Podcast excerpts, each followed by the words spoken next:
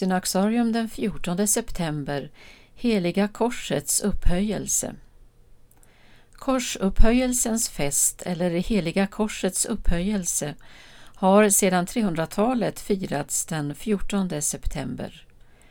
Den utgör en pendang till långfredagen, om än ljusare till karaktären.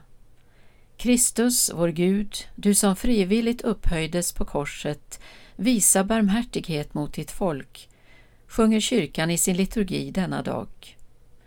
Historiskt har högtiden sin bakgrund i återfinnandet av Jesu kors i Jerusalem och därmed byggandet av uppståndelsekyrkan, eller gravkyrkan som den också kallas.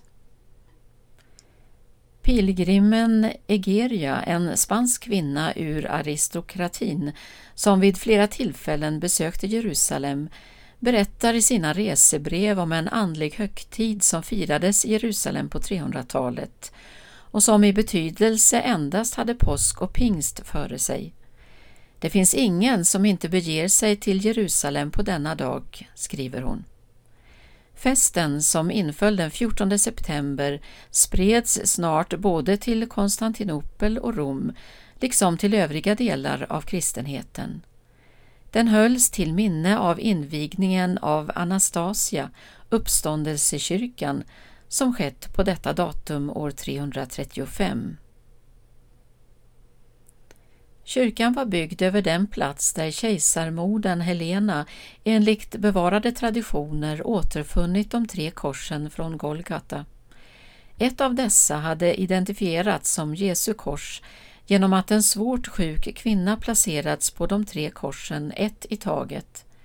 När hon ögonblickligen blev helad då hon lades på ett av korsen togs det som ett tecken på att det var just det korset som Jesus hade dött på. Korsupphöjelsens fest kom sedan att firas varje år, inte i första hand som en kyrkoinvigningsfest. Det var korset som helt stod i centrum. Enligt Egeria var det just denna dag som korset hade återfunnits och det var anledningen till att den hade gjorts till invigningsdag för den kyrka som byggts över Golgata och graven. Samma dag varje år tog man fram Kristi kors, bar det i procession och gjorde det till föremål för vördnad. Festen firades i åtta dagar och mängder av pilgrimer kom till Jerusalem.